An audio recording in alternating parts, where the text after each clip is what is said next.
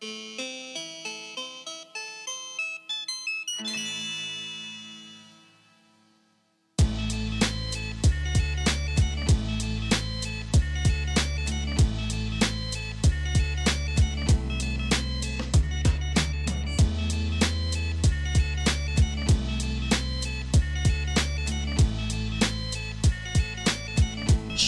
the Puck är Hockeynews-podden som gör sin debut här i Long Island idag.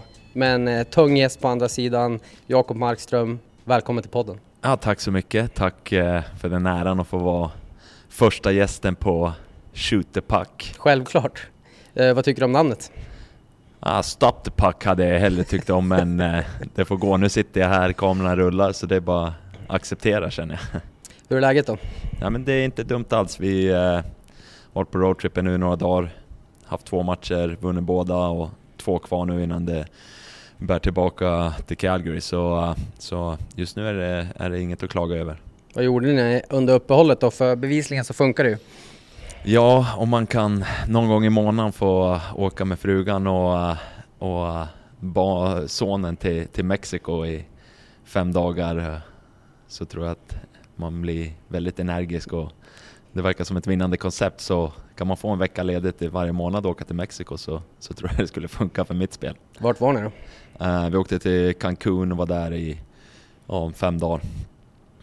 Cancun, var det där jag var nu tänkte jag? Nej det var det inte, det var Playa del Carmen var det. Ja, Just det. Där, där, där har man inte hållit till. Nej, Mexiko, fint i alla fall. Eh, men du, eh, seger mot Boston, seger mot Devils. Nu har ni Islanders imorgon, matiné. Rangers på uh, måndag blir det Måndag, jajamän. Hur är det att komma till New York och spela då? Nej men det, det är väl alltid skönt då, särskilt det är mycket resande och mycket flyg så när man åker till men, ett ställe där det, man kan bussa en halvtimme till, till tre matcher egentligen. Eh, det, det underlättar på, på kroppen och, eh, och sen är det alltid speciellt att, åka till, spela Garden är alltid ett speciellt ställe. Det, eh, förmodligen ett av mina favoritställen att, att spela på som, som gästande lag. Så, så det är alltid speciellt. Varför är det ett favoritställe? Nej, men det, har varit, det är klassisk arena mitt i New York City. Sen eh, under hela min karriär fram till för något år sedan så har The King varit på andra sidan så, så det, det är alltid speciellt. Du spelar ju med han i World Cup va? Stämmer. Är det enda gången du har riktigt träffat honom så nära eller? Ja, vi spelar VM också. Så, var det 17 eller? Nej? Nej, du var inte med 17? Nej, jag var inte med 17. Jag vet inte när det var 18 tror jag till och med. Ja, just det. Ni vann inte med andra ord? Nej, vi åkte ut i, i kvarten just mot det. Finland. Just det. Som tog hem det. Tråk, tråkspelande Finland med mycket inhemska spelare som systemade hem VM-bucklan det året. Men hur är eh, Hank the Tank då, som människa? Äh, men han är helt, uh, han är en fantastisk människa. Han är, uh, från första gången jag träffade honom så har han alltid alltid ställt upp och man har frågat och han har alltid varit trevlig, alltid varit snäll och alltid varit, varit schysst och oerhört tävlingsmänniska och man kan kolla träningar och, och även matcher och inte, särskilt när man får, det har varit fantastiskt rolig upplevelse för mig som var, var lite yngre, jag är lite äldre nu men, men just då var det bra för mig att se hur mycket tid han lägger ner på sin kropp, sin uppvärmning, hur, hur proffsig han är både på och utanför isen och, och vinna skallen där är inte att leka med. Och det jag tror inte det är någon slump att han eh, eh, har varit en av, av, världens bästa målvakter i över tio år. Han verkar ha det rätt gött nu då måste man ändå säga. Han, han zoomades in på mediakuben här i, i deras förra match. Eh, satt med sina döttrar och man har sett han sitta där bakom båset eh, på många matcher som ambassadör, jobbar för MSG, bor kvar i New York. Känns som att han har det rätt bra. Ja men jag tror han har det ganska bra. Jag pratar inte med honom så mycket men det, det kan bli några sms ibland och jag tror inte förhoppningsvis så, så jobbar han på, på måndag på matchen så kanske man, man springer in innan där men eh, jag tror förra året så rullade han in där eh, var röda mattan, han kom med rocken och svarta lädervantarna och, och finkammat hår och dressed to the nine så han, eh, jag tror inte det går någon nöt på honom så det, men det är han värd också. Han har, han har lagt ner fantastiskt mycket jobb och, och för att vara där han är nu och, och kung av New York är inte, det blir man inte bara sådär. Har du fått något riktigt bra tips av honom?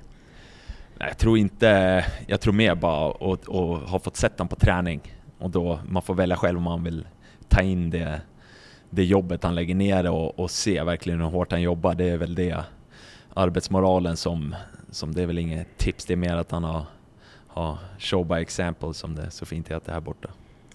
Men alltså när ni är runt här i New York, ni bor på tre hotell på de här dagarna och sådär, hade det inte varit smidigare att bara bo på ett hotell? Eh, säkert, men eh, man, är, man är, har blivit hyfsat bra i 13-14 år här borta och passar, packar resväskor. Det, det är man eh, lite utav expert av så, så det är som det är, det, jag klagar inte. Bounce back season, gillar du den termen eller? Nej.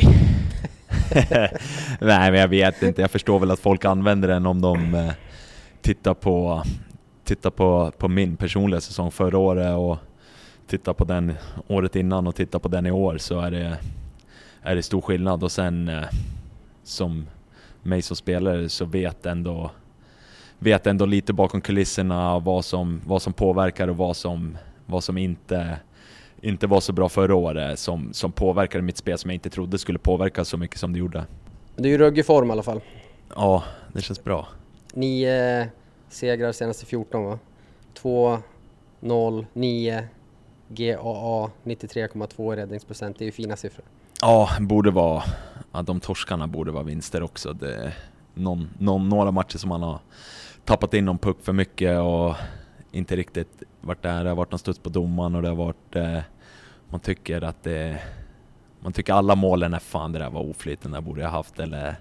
Nej, det där var inte rättvist Och, så men det, det balanserar väl ut sig under säsongen men... Eh, nej, men det, det, är alltid förlusterna man... I alla fall jag fokuserar mer på att... Eh, nå, några för mycket förluster. Du har snacket gått då efter Lindholm-traden som har varit en blockbuster såklart här för er. Ja, men det är såklart det, det snackas lite när det händer, men sen jag tror alla var på semester och alla var, var någonstans när det, när det hände, så det, vart, eh, det var inte så att de drogs från en match eller från en träning eller det var inte att man, man såg den inte utan det var mer att man läste om den och man hörde om den. Och, eh, det har väl varit, eh, varit mycket snack och det har varit, eh, varit på gång väldigt länge att han ska gå men man vet inte vart eller när eller, eller hur eller vad, vad vi skulle få tillbaka i, i traden men, eh, men han börjar, börjar hänga två mål så det är alltid skönt för han att få en bra start där och sen eh, Kuzmenko har hängt två nu också så det, det, är liksom, det är speciellt såklart men konstigt att inte se honom på hallen varje dag när man har sett honom i tre år. Så, så det är lite speciellt men det, det är lite del av den här, den här världen också. Att det är, ena dagen kan man ha någon här, andra dagen så är, så är han borta och sen man måste bara fortsätta spela och det, man har inte riktigt tid att stanna upp och vänta och känna efter. Det kommer säkert komma mer in på tradesnack även för dig, för det snackas ju ganska mycket om det just nu. Vi får se om du är en Calgary Flame när den här podden ens, ens kommer ut, men eh, vi, vi, eh, jag tänker lite grann på Brynäs också. Hur mycket följer du vad som händer där hemma? Då? Eh, nej, men jag försöker mer resultaten. tittar inte på så mycket matcher, men, eh, men följer mer resultat och, och eh, har ju Mikael Backlund, kaptenen här, han är eh, hängiven Västerås-supporter så så det är alltid lite, lite glidningar och Rasmus Andersson som kommer från eh, eh, söderut, Malmö. Um, visste inte ens att det, det låg i Sverige men tydligen så gjorde det det. Nästan Danmark. ja, nej men han... Eh, så, men med mycket så är det mycket, det blir lite mer hockeyallsvenskan snack och såklart så vill man att, eh, att Brynäs ska gå upp igen. När kvalet drar igång för deras del så är det ju fullt möjligt att de kliver in i det med en 18-åring mellan stolparna och senast det hände så var det du som stod där och det var kvalserien och eh, vad minns du av det idag egentligen? Vad minns Men, du starkast? Uh, ja, starkast tror jag minns, jag, jag har väldigt mycket minnen, titta tillbaka, jag har väldigt uh, uh, väldigt rolig upplevelse. Just då så var det, för mig var det bara positivt att som, som liten grabb uppvuxen i Sätra, i Gävle. Eh, har som dröm att spela i Brynäs A-lag och varit på träningar till klubbor och autografer och allt vad man nu gör som, som liten spjuver. Eh, att sen få ett samtal när man spelar juniorerna i Brynäs att, att spela, spela med A-laget, det var en dröm som kom i uppfyllelse. Så för, för mig, nu i efterhand när man pratar med Ove Molin och Tommy Sjödin och alla, alla gamla rävar att eh, det var en väldigt jobbig period. Och för mig var det helt fantastiskt, det var, det var så roligt så, så jag liksom minns knappt något negativt alls.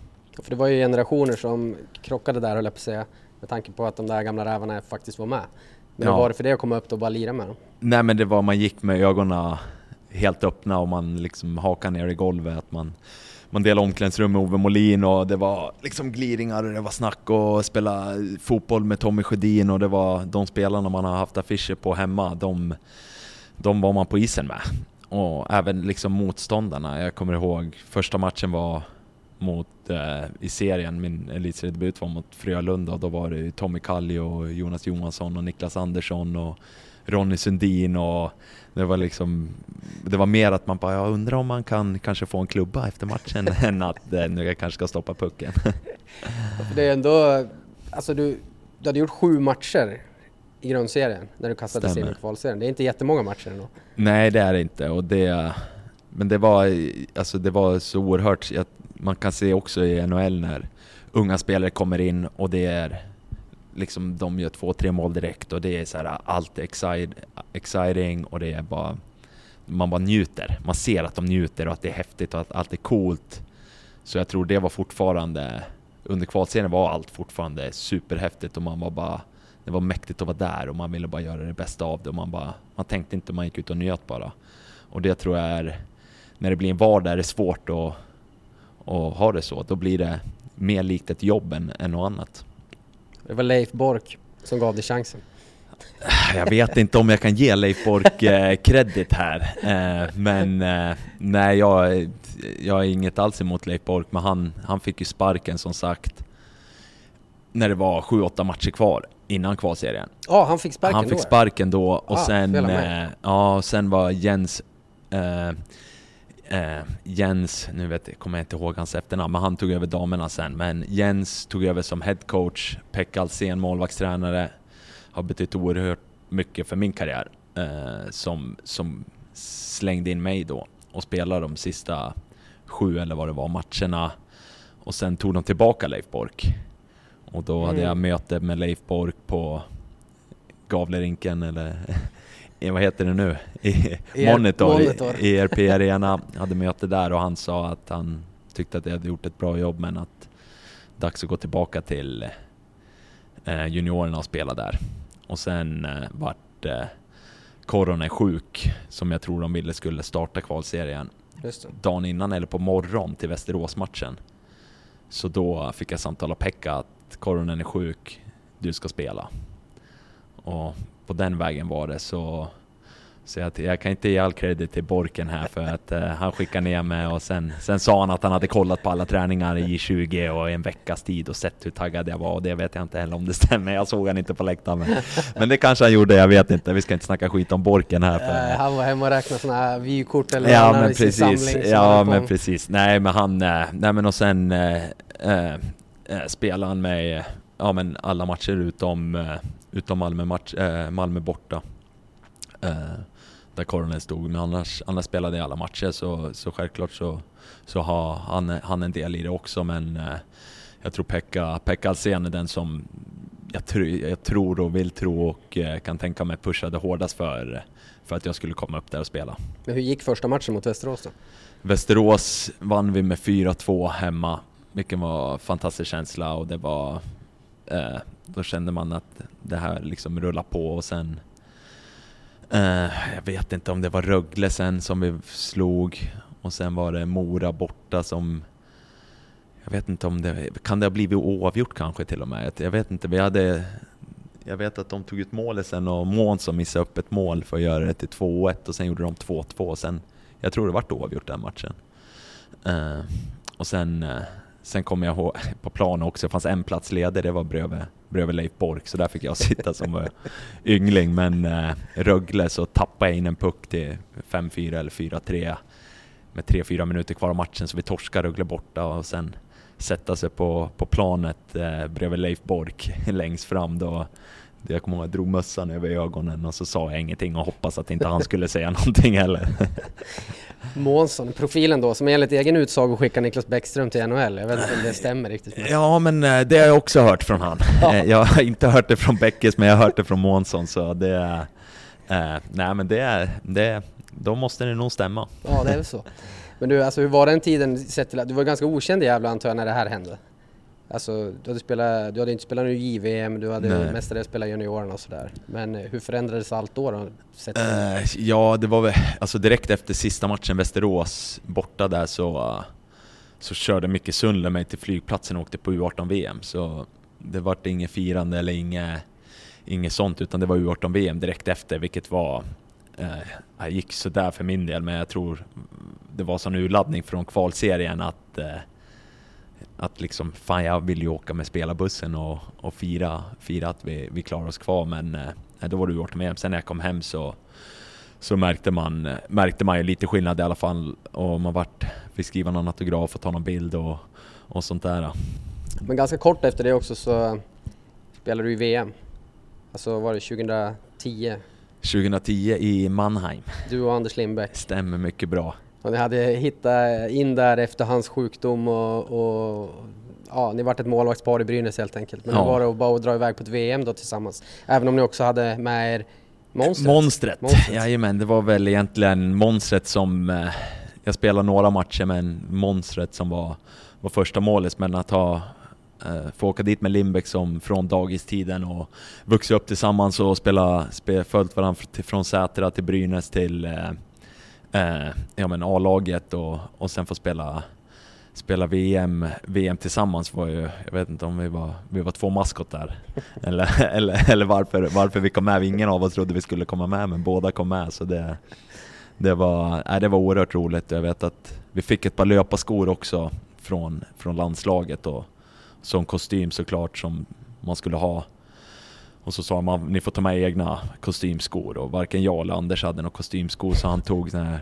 sprayen som man sprayar hockeyklubborna med och sprayade sina gamla uppvärmningsskor, sprayade de svarta. Så han sa jag behöver inte köpa några, då sparar jag lite pengar på det. Ekonomiskt? Riktigt ekonomiskt. Jag sa det, jag ångrar jag hade köpt några skor för 200 kronor och sa det, jag hade kunnat haft dem i fickan istället. Så det var du och Anders som sprang runt med sprayade dojor och så hade ni typ Micke Nylander och Mange Johansson i laget som var närmare 40? Ja. Lite skillnad där i... Ja men verkligen och jag tror... Eh, ja men alltså det var bara, bara det, jag tror hela från egentligen kvalserien till spela elitserien och eh, spela hockey-VM och få vara med, det är så... Allt går så fort, man hinner inte... Och du är så ung och du fattar inte riktigt vad som, vad som försiggår utan du bara, du bara följer med strömmen och det bara, allt bara funkar liksom. Så det, är det är roligt när man tittar tillbaka på det nu, men just då så var man, det var liksom det livet. Det var liksom det här som gällde och det var, det fanns inget annat. Det var, det var liksom hockey för hela slanten och det var, man bara njöt för varje sekund. Och helt plötsligt sitter du här och spelar 14 år snart i NHL. Ja, nej men det, det är nästan att man är, knappt kan tro det själv utan det, jag har fortfarande, fortfarande knappt att man, man sätter sig ner och, och funderar över det. Det var roligt nu när eh, gick om Tommy Salo i NHL-vinster, så nu, nu är det bara lugnt. Eller nej, jag är, inte, jag är trea.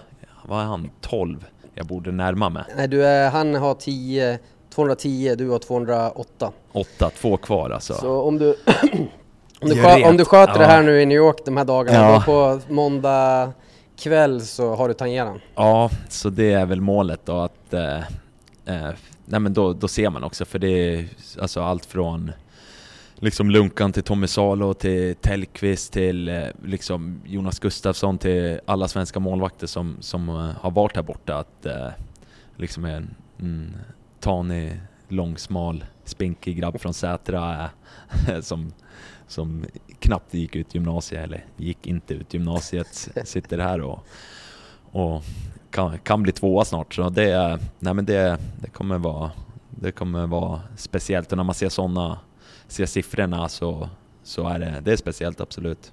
Det förstår jag. Det är ju ändå största målvaktsnamnen någonsin och du är snart tvåa på den där listan. Och vi ska också säga att om man tittar på Ullmark, var han? Han är 93 han är tre år bakom. Ja, ja, det kommer folk underifrån. Jag känner 70, det. Jag tror han är 70 segrar bakom också. Du är inte klar ja, än tänker jag. Nej, jag har några år kvar tänker jag också men eh, jag tycker Sverige har gjort fantastiskt bra, alltså allt från alltså Ullmark, du hade Lene som spelade, var, var riktigt framgångsrik och så eh, nu har du Gustavsson, du har eh, eh vad heter eh, han i Minnesota, Wall... Eh, Nej, det är ju Wallstedt. Gust, Gustafsson och Wallstedt har de ja. i Minnesota där nu och... Ersson. Ersson, Sandström, eh, Gävlegrabbarna, mm. Jonas Johansson i Tampa. Eh, du har eh, Toronto Marlins målvakt som såg hur nollan häromdagen också. Eh, som, det är väl bara en tidsfråga innan han får chansen i, i Maple Leafs också. Så det är eh, fantastiskt kul att se alla svenska målvakter kommer upp och, och jag vet själv att jag, jag har själv varit där och spelat i AHL och krigat på.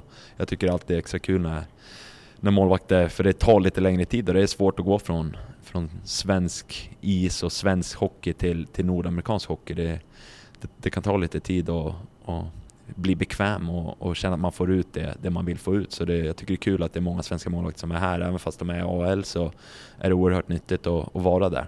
Jag tänker att vi ska komma tillbaka lite till den tiden för dig också men eh, du nämnde Jonas Johansson här, jag träffade honom häromdagen och han var ju pappa i måndags. Eh, som du säkert vet. Eh, men han eh, eh, fick ju sticka iväg, han var med på det första dygnet hemma och så fick han dra iväg och sådär. Men eh, hur har den här första tiden varit för dig då som pappa Jakob? Ja, pappa Jakob eh, njuter.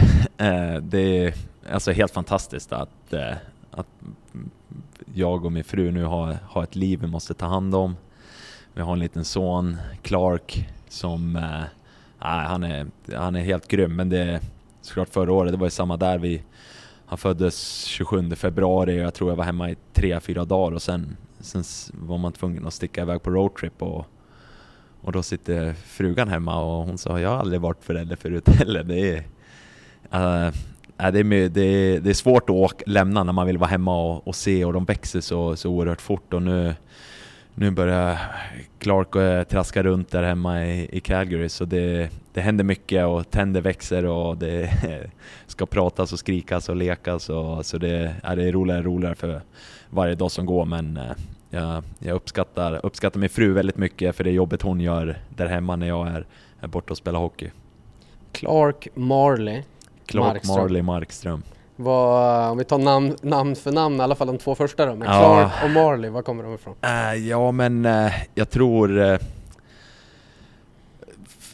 ja men för att, vara för att vara helt ärlig så är det från... vi satt och kollade på en tv-serie i Sverige Mm. Jag och min, min fru Amanda. Clark Olofsson.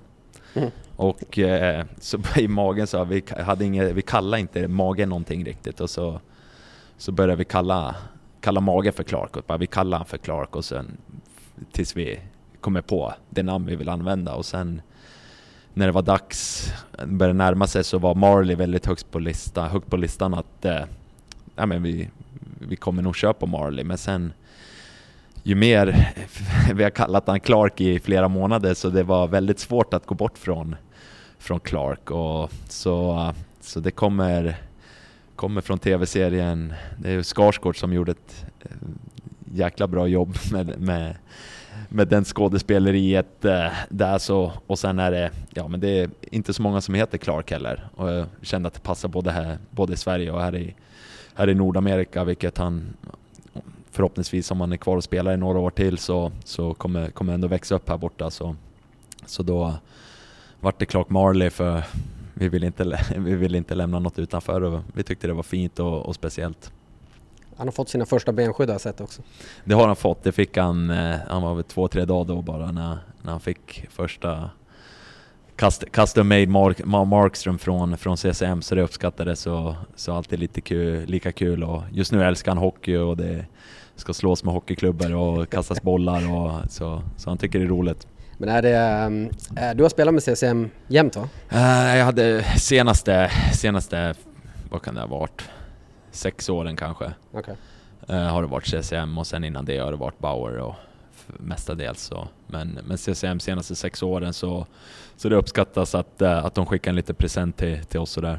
Saknar du något med Vancouver då? Eller vad saknar du med Vancouver? Ja men, är det något jag saknar så är det väl kanske eh, vattnet. Uh, ja, det ska vara att det är nära till havet. Jag älskar vattnet på sommaren i, i Gävle, så jag älskar att vara ute på vattnet. Jag älskar eh, liksom bli väldigt lugn av vattnet. Så, så det är väl egentligen det. Annars saknar jag inte så mycket. Calgary har givit mig så oerhört mycket. Jag träffade min fru, fått barn. Clark Marley är född i, i Calgary och det är fantastiskt lycklig och liksom ett nytt kapitel i livet som, som jag är oerhört tacksam över. Du pratade om Clark förut, men Marley då? Ja men Marley vet jag, alltså det är bara... Bob Marley? Ja men precis, det var Clark Olofsson och Bob Marley, så kasta in Markström på det så, så kunde det inte gå fel. Nej men vi gillar, både, vi gillar namnet båda två så, så jag, jag hade inga problem med Marley och, eh, och även Clarksen som började som en rolig grej som så kände att det vart, var svårt att ta bort det sen när, när han väl kom. Men i Vancouver blev du ändå första keeper i kanadensisk marknad. Eh, alltså hur var de stegen då från att ligga där lite i limbo och komma till Vancouver och sen slå det fram och, och bli den du egentligen är fortfarande idag. Men, men hur var den eh, upplevelsen? Uh, jo men det, alltså det är väldigt upp och ner. Uh, laget vi hade, vilket många säger har en bra målis, har ett bra lag. Jag var inte tillräckligt bra för att gå på någon playoff run eller, eller jag var inte där jag är nu. Eh, så det, det, det var det var, media var väldigt tufft och fansen var, det var tufft, de ville vinna. De har varit väldigt framgångsrika i många, många år med Näslund, Sedinarna, Burea, Luongo. De var vana och det var liksom inte om de skulle gå till slutspel, det var hur långt kommer de gå när de är i slutspel?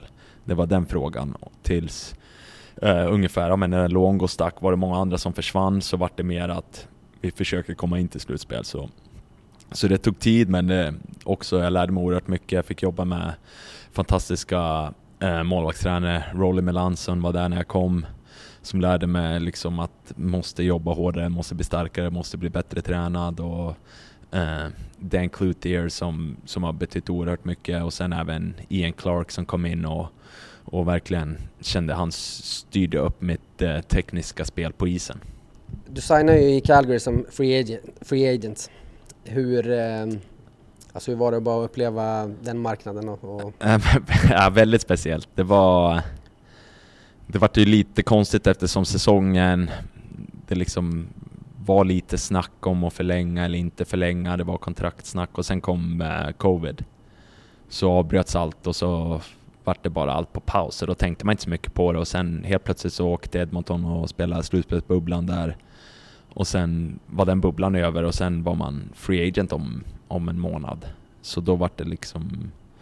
Det var, det var inte så att det ste, uppgraderades eller stegrades till att det skulle vara någon jobbig grej eller att det var snack och att det var fram och tillbaka eller att det var trade rumors eller något sånt, sånt där. Så, men sen väl, väl där när jag kände att Vancouver inte Eh, skulle, skulle satsa på Demko och inte ville betala så mycket som jag kunde få på andra ställen eller och så vidare så, så kände jag eh, att det var dags att gå vidare och ja men alltså du får prata med allt från ägare till andra sportchefer som vill pitcha. Du känner dig väldigt, eh, du känner dig väldigt behövd och vilket är, vilket är en skön känsla att ha som, som hockeyspelare att något lag vill ha dig. Jag visste inte om något lag ville ha mig alls så det Eh, nej men det, det var roligt, den, den delen av det var väldigt kul att få lite bekräftelse att man att det finns lag där ute som vill ha en och sen eh, eh, väl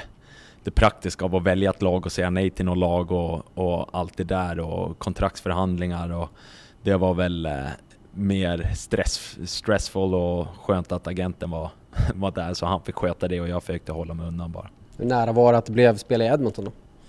Det kändes som att de ändå var med. Nej, det var, det var, Cal det var Calgary hela vägen.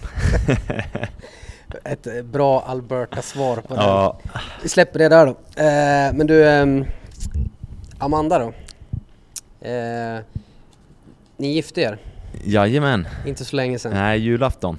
Jag pratade med ett par stycken här innan den här poddinspelningen och eh, missnöjet är ju monumentalt när det gäller utebliven svensexa.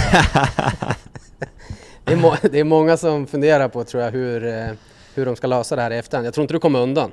Om man ska vara ärlig. Nej, men jag tror, eh, jag tror inte, jag tror inte de behöver vara, vara så oroliga över det, utan det, det var väl mer vi försöker få ihop det, allt från eh, när vi ska gifta oss, vart vi ska gifta oss och eh, ja, men hur, hur vi ska göra med familj, om vi vill utöka familjen, vart vi ska vara och sen det, det är ganska svårt att tajma in det med vi är ju inte hemma i Sverige eller i Nordamerika hela året utan man reser ganska mycket och, och det är inte bara se om nu vi blir gravid här och sen är det det vet man inte heller, så det är väldigt svårt att planera ett bröllop har jag märkt.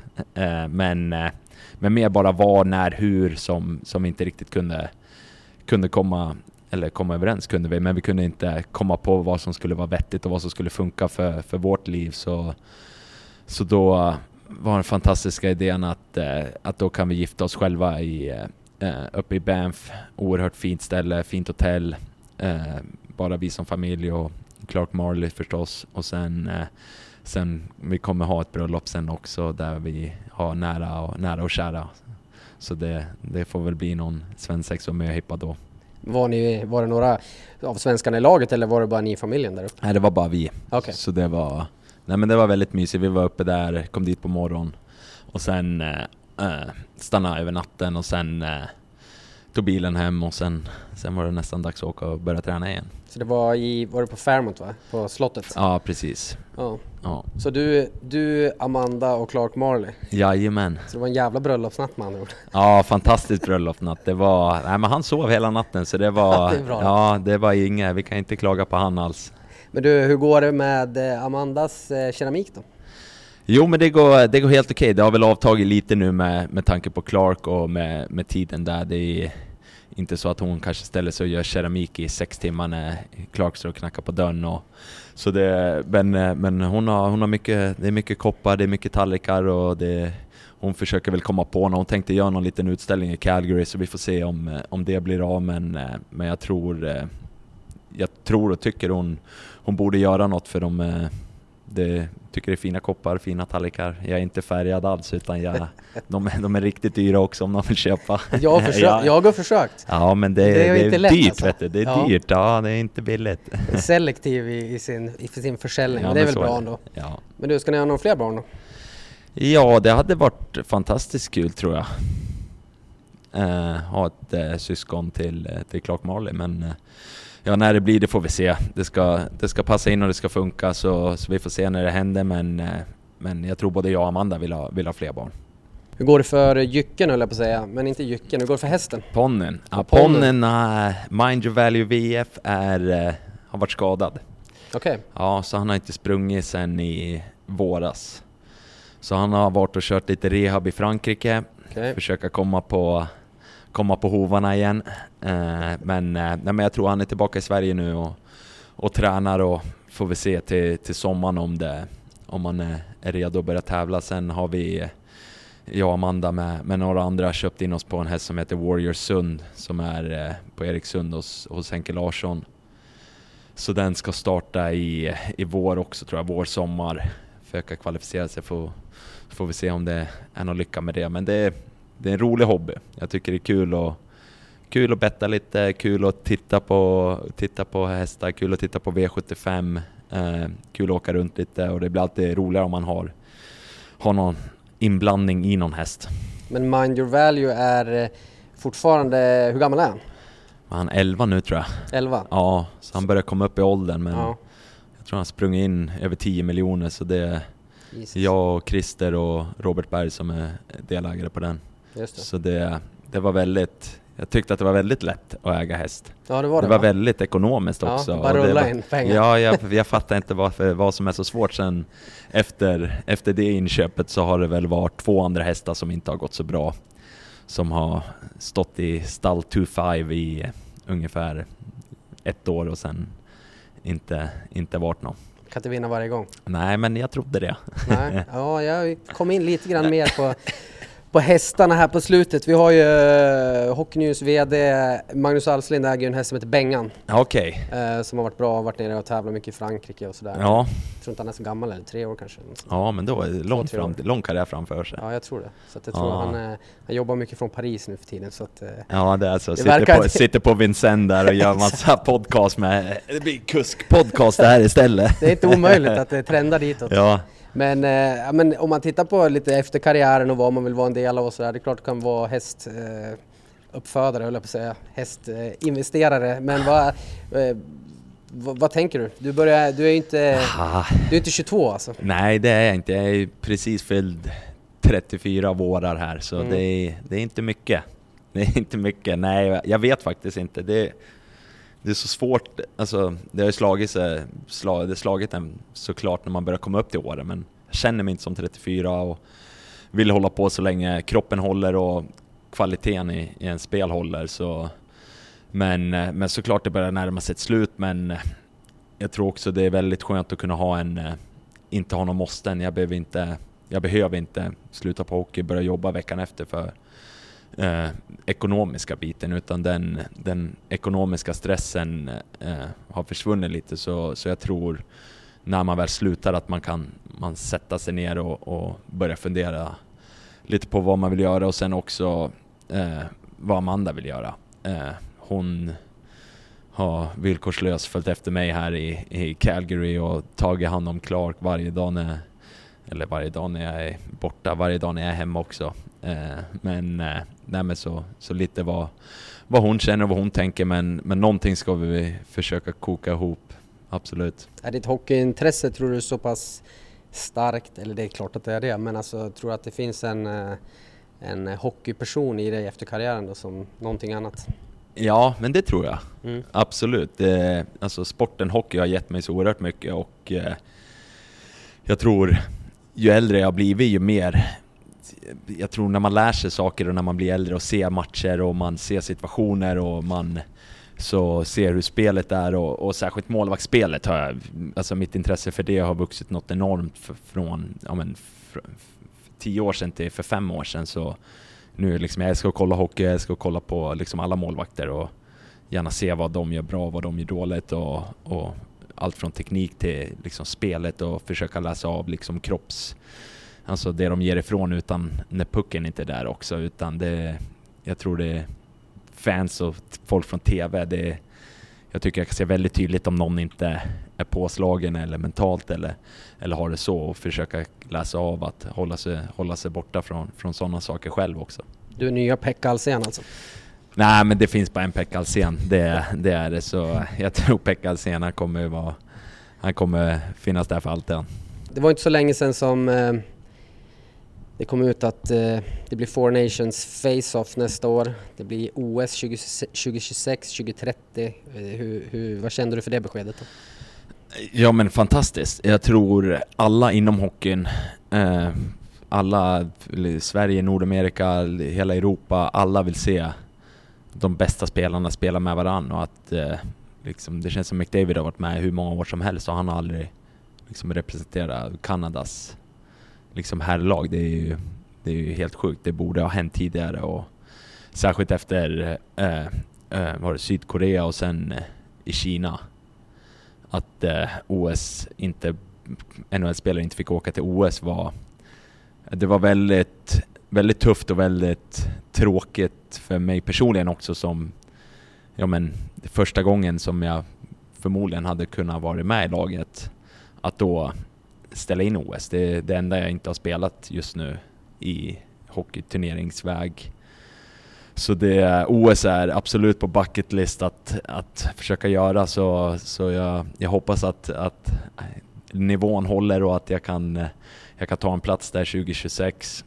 Och sen, eh, men, ja, men tillbaka till Kina, Kina-OS också så min far som gick bort 2019 var med på sommar-OS i Kina med damlandslaget i fotboll. Så, så hela den, det hade varit väldigt speciellt att fått, fått gått in på i fågelboet med på entrén och man har hört eh, pappa prata väldigt mycket om det och invigningen och allt det där och jag tänkte hela tiden att nu finns det chans att jag också kommer få uppleva precis samma sak som han har något år efter han har gått bort, vilket var, hade varit oerhört mäktigt. Så, så det tog hårt med att, att NHL-spelarna inte fick åka faktiskt. 2025, du är då med andra ord 35. Precis. Sen blir du 36 när det är OS och sen är du 40 när det blir nästa gång. Perfekt. Det är väl bara... Yngling, ja vi får se. när man Köra är alla 40 tre. får man se om det... Eh, vi får se då. Det är nog... Eh, får hoppas att de inte... Att de yngre håller sig. Håller sig. Får försöka boxa bort de, de yngre, att de inte går förbi en och att de inte... Inte spelar... Att mitt spel håller, håller en nivå så, så man blir uttagen. När man växte upp också, bara liksom kolla Sverige, kolla OS, Sverige-Kanada, OS, Sverige-Finland, OS-finalen i Turin, Lundqvist, Lidström, Mats Sundin, Foppa, liksom det var, var man 16 år då. Mm. Och få följa den, liksom då var man ändå inne lite Brynäs junior och man var inne i hockeyvärlden och, och kolla på de absolut bästa, bästa spela eh, mot varandra. Och liksom OS-guld väger, eh, jag tror det väger väldigt, det är Stanley Cup som, som väger tyngre. Eh, annars är det OS-guld att få representera landslaget och, och få, och få ta, ta OS-guld. Det är eh, liksom något som, som bara man drömmer om, tänker man. Att, att få chansen att kanske få, få gå och göra det, det, det vore häftigt. Du nämnde din pappa tidigare också, du har haft honom på masken och sådär förstås. Du har det nu också misstänker jag. Absolut. Ehm, vad har du på masken i år?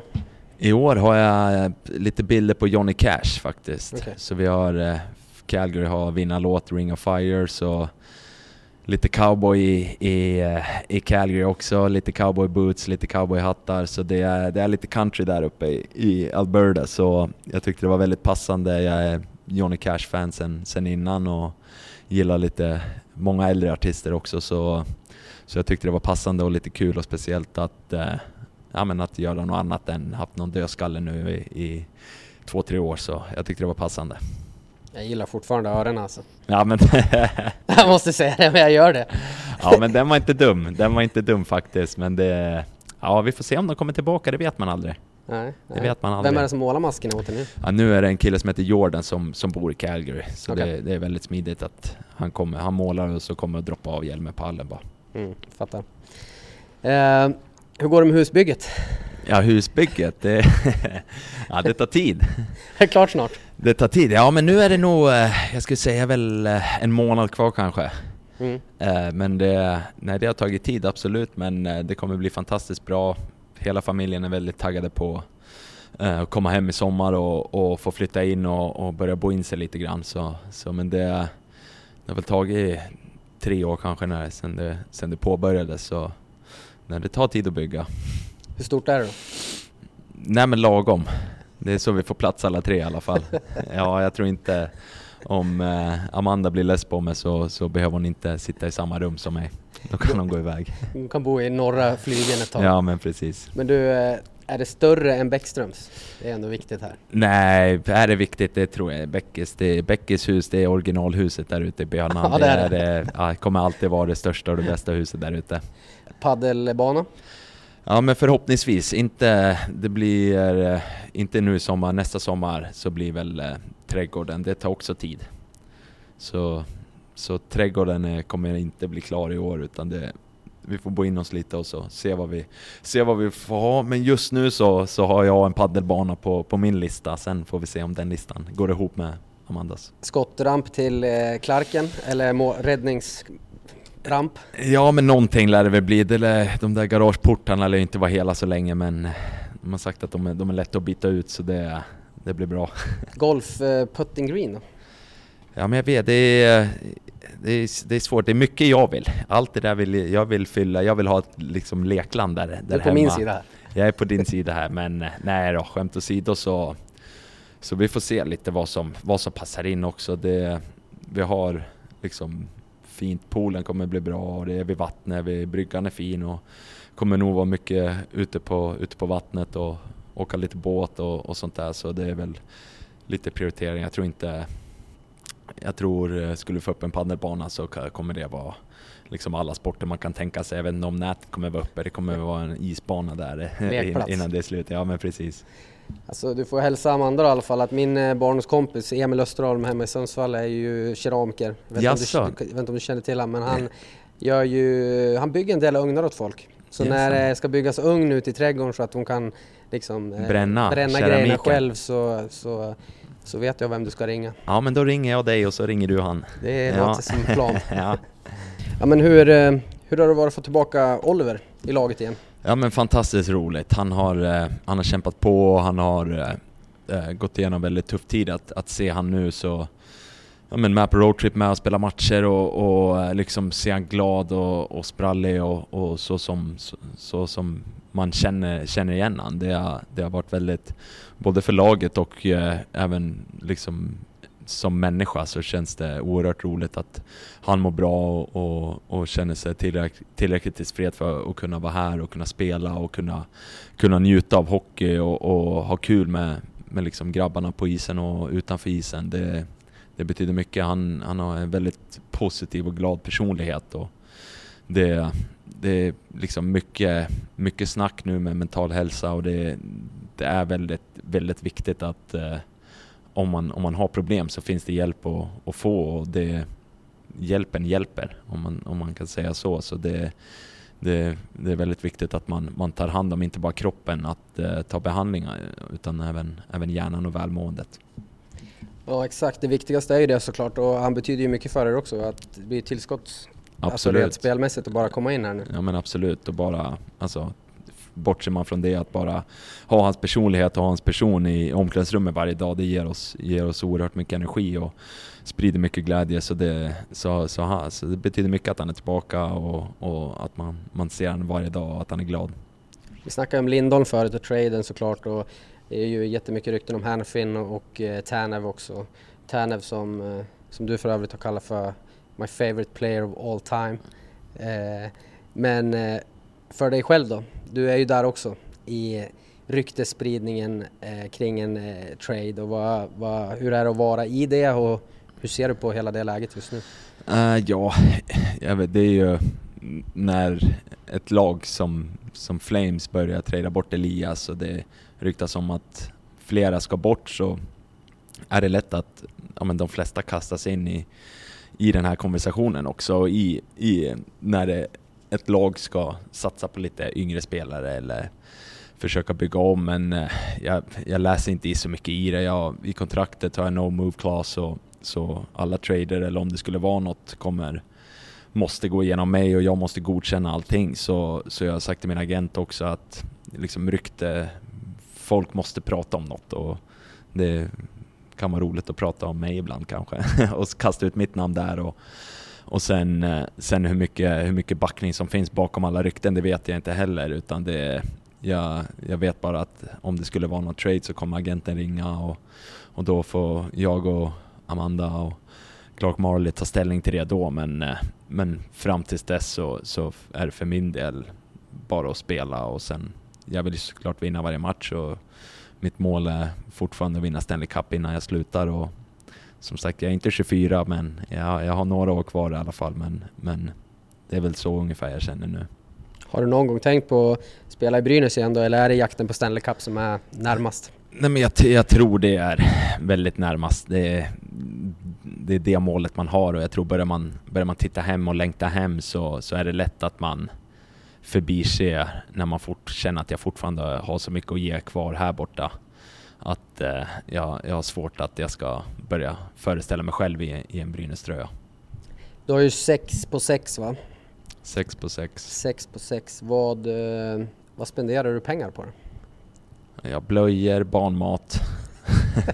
jävla massa blöjor då. Jävla massa blöjor. Ja, nej, jag, men det, jag vet inte. Alltså det, mat, äter gott, dricker någon, dricker någon fin vinflaska, lägger några extra kronor på dem.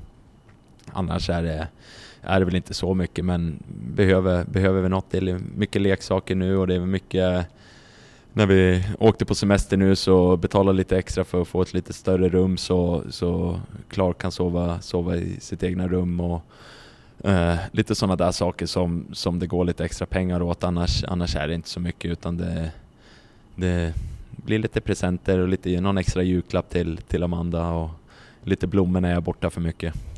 Ja, man har inte sett i någon sportbil va? Har du vecklat ner de där långbenen i någon snabb bil någon gång? Ja, I Vancouver hade jag en R8 Audi faktiskt. Eh, okay. Två dörrar, så den är väl den mest sportiga jag haft men den, den fick jag faktiskt, jag gjorde någon video vid tv-reklam för dem så, så jag fick köra den gratis under en säsong. Men eh, jag hade nog aldrig köpt den för det tar hårt på knäna och sitta, sitta och nacken om man sitter nedböjd och försöker styra ratten så det är Ja, det är tight, så jag, jag, vet inte. Det finns väl några sportbilar som jag får plats i, men sen är det vad man, vad man vill lägga pengar på och inte. Du kan få en Prius av oss, av den här intervjun. Ja, men precis. Är det tvådörrars? Det tänker jag. Ja. Den sportigare varianten. Den sportigare, ja men då kör jag på den. Hur går det med golfkarriären då? Hinner du spela någon golf eller? Nej, för lite. Jag tittar på mycket golf, eh, både på Youtube och på Instagram och känner att jag blir bättre av det. Sen vet jag inte riktigt om det stämmer, men eh, jag har nya golfklubbor i år. Eh, ny sving har jag hört talas om. Ny sving, ja men stämmer mycket bra. Riktigt vägen går. jag spelar väl eh, fyra, fem runder i sommar. Bytte sving helt. Så nu är det från eh, okontrollerad slice till en eh, kontrollerad eh, liten drå. Okay. Ja, så jag, jag kommer väl får se om jag kanske efter hockeykarriären satsar på golftouren. Mm. Vem var det? Magnus Muren? Har han, har han gjort det? Ja, jag vet inte alltså om bandeliran? Bandeliran, om han skulle satsa på golfen där. Jag spelar någon runda med han är fantastiskt bra på golf. så jag kanske kör, jag kanske kör en jag kanske kör en golf, golfsatsning. Nej, skämt åsido så ny sving har jag, men om det funkar bättre, det vet jag inte än. Innan vi avslutar här nu, börjar jag trenda upp mot en timme, men eh, Eh, det som få vet om dig är ju att eh, Anton Axelsson har brutit fingrarna av dig mer eller mindre. Ja, stämmer. Vad hände egentligen? Stämmer, ja du. om Anton Axelsson lyssnar på det här så tack. någon, någon split vision ja, måste man ju kunna precis. ha när man kliver ur en ja.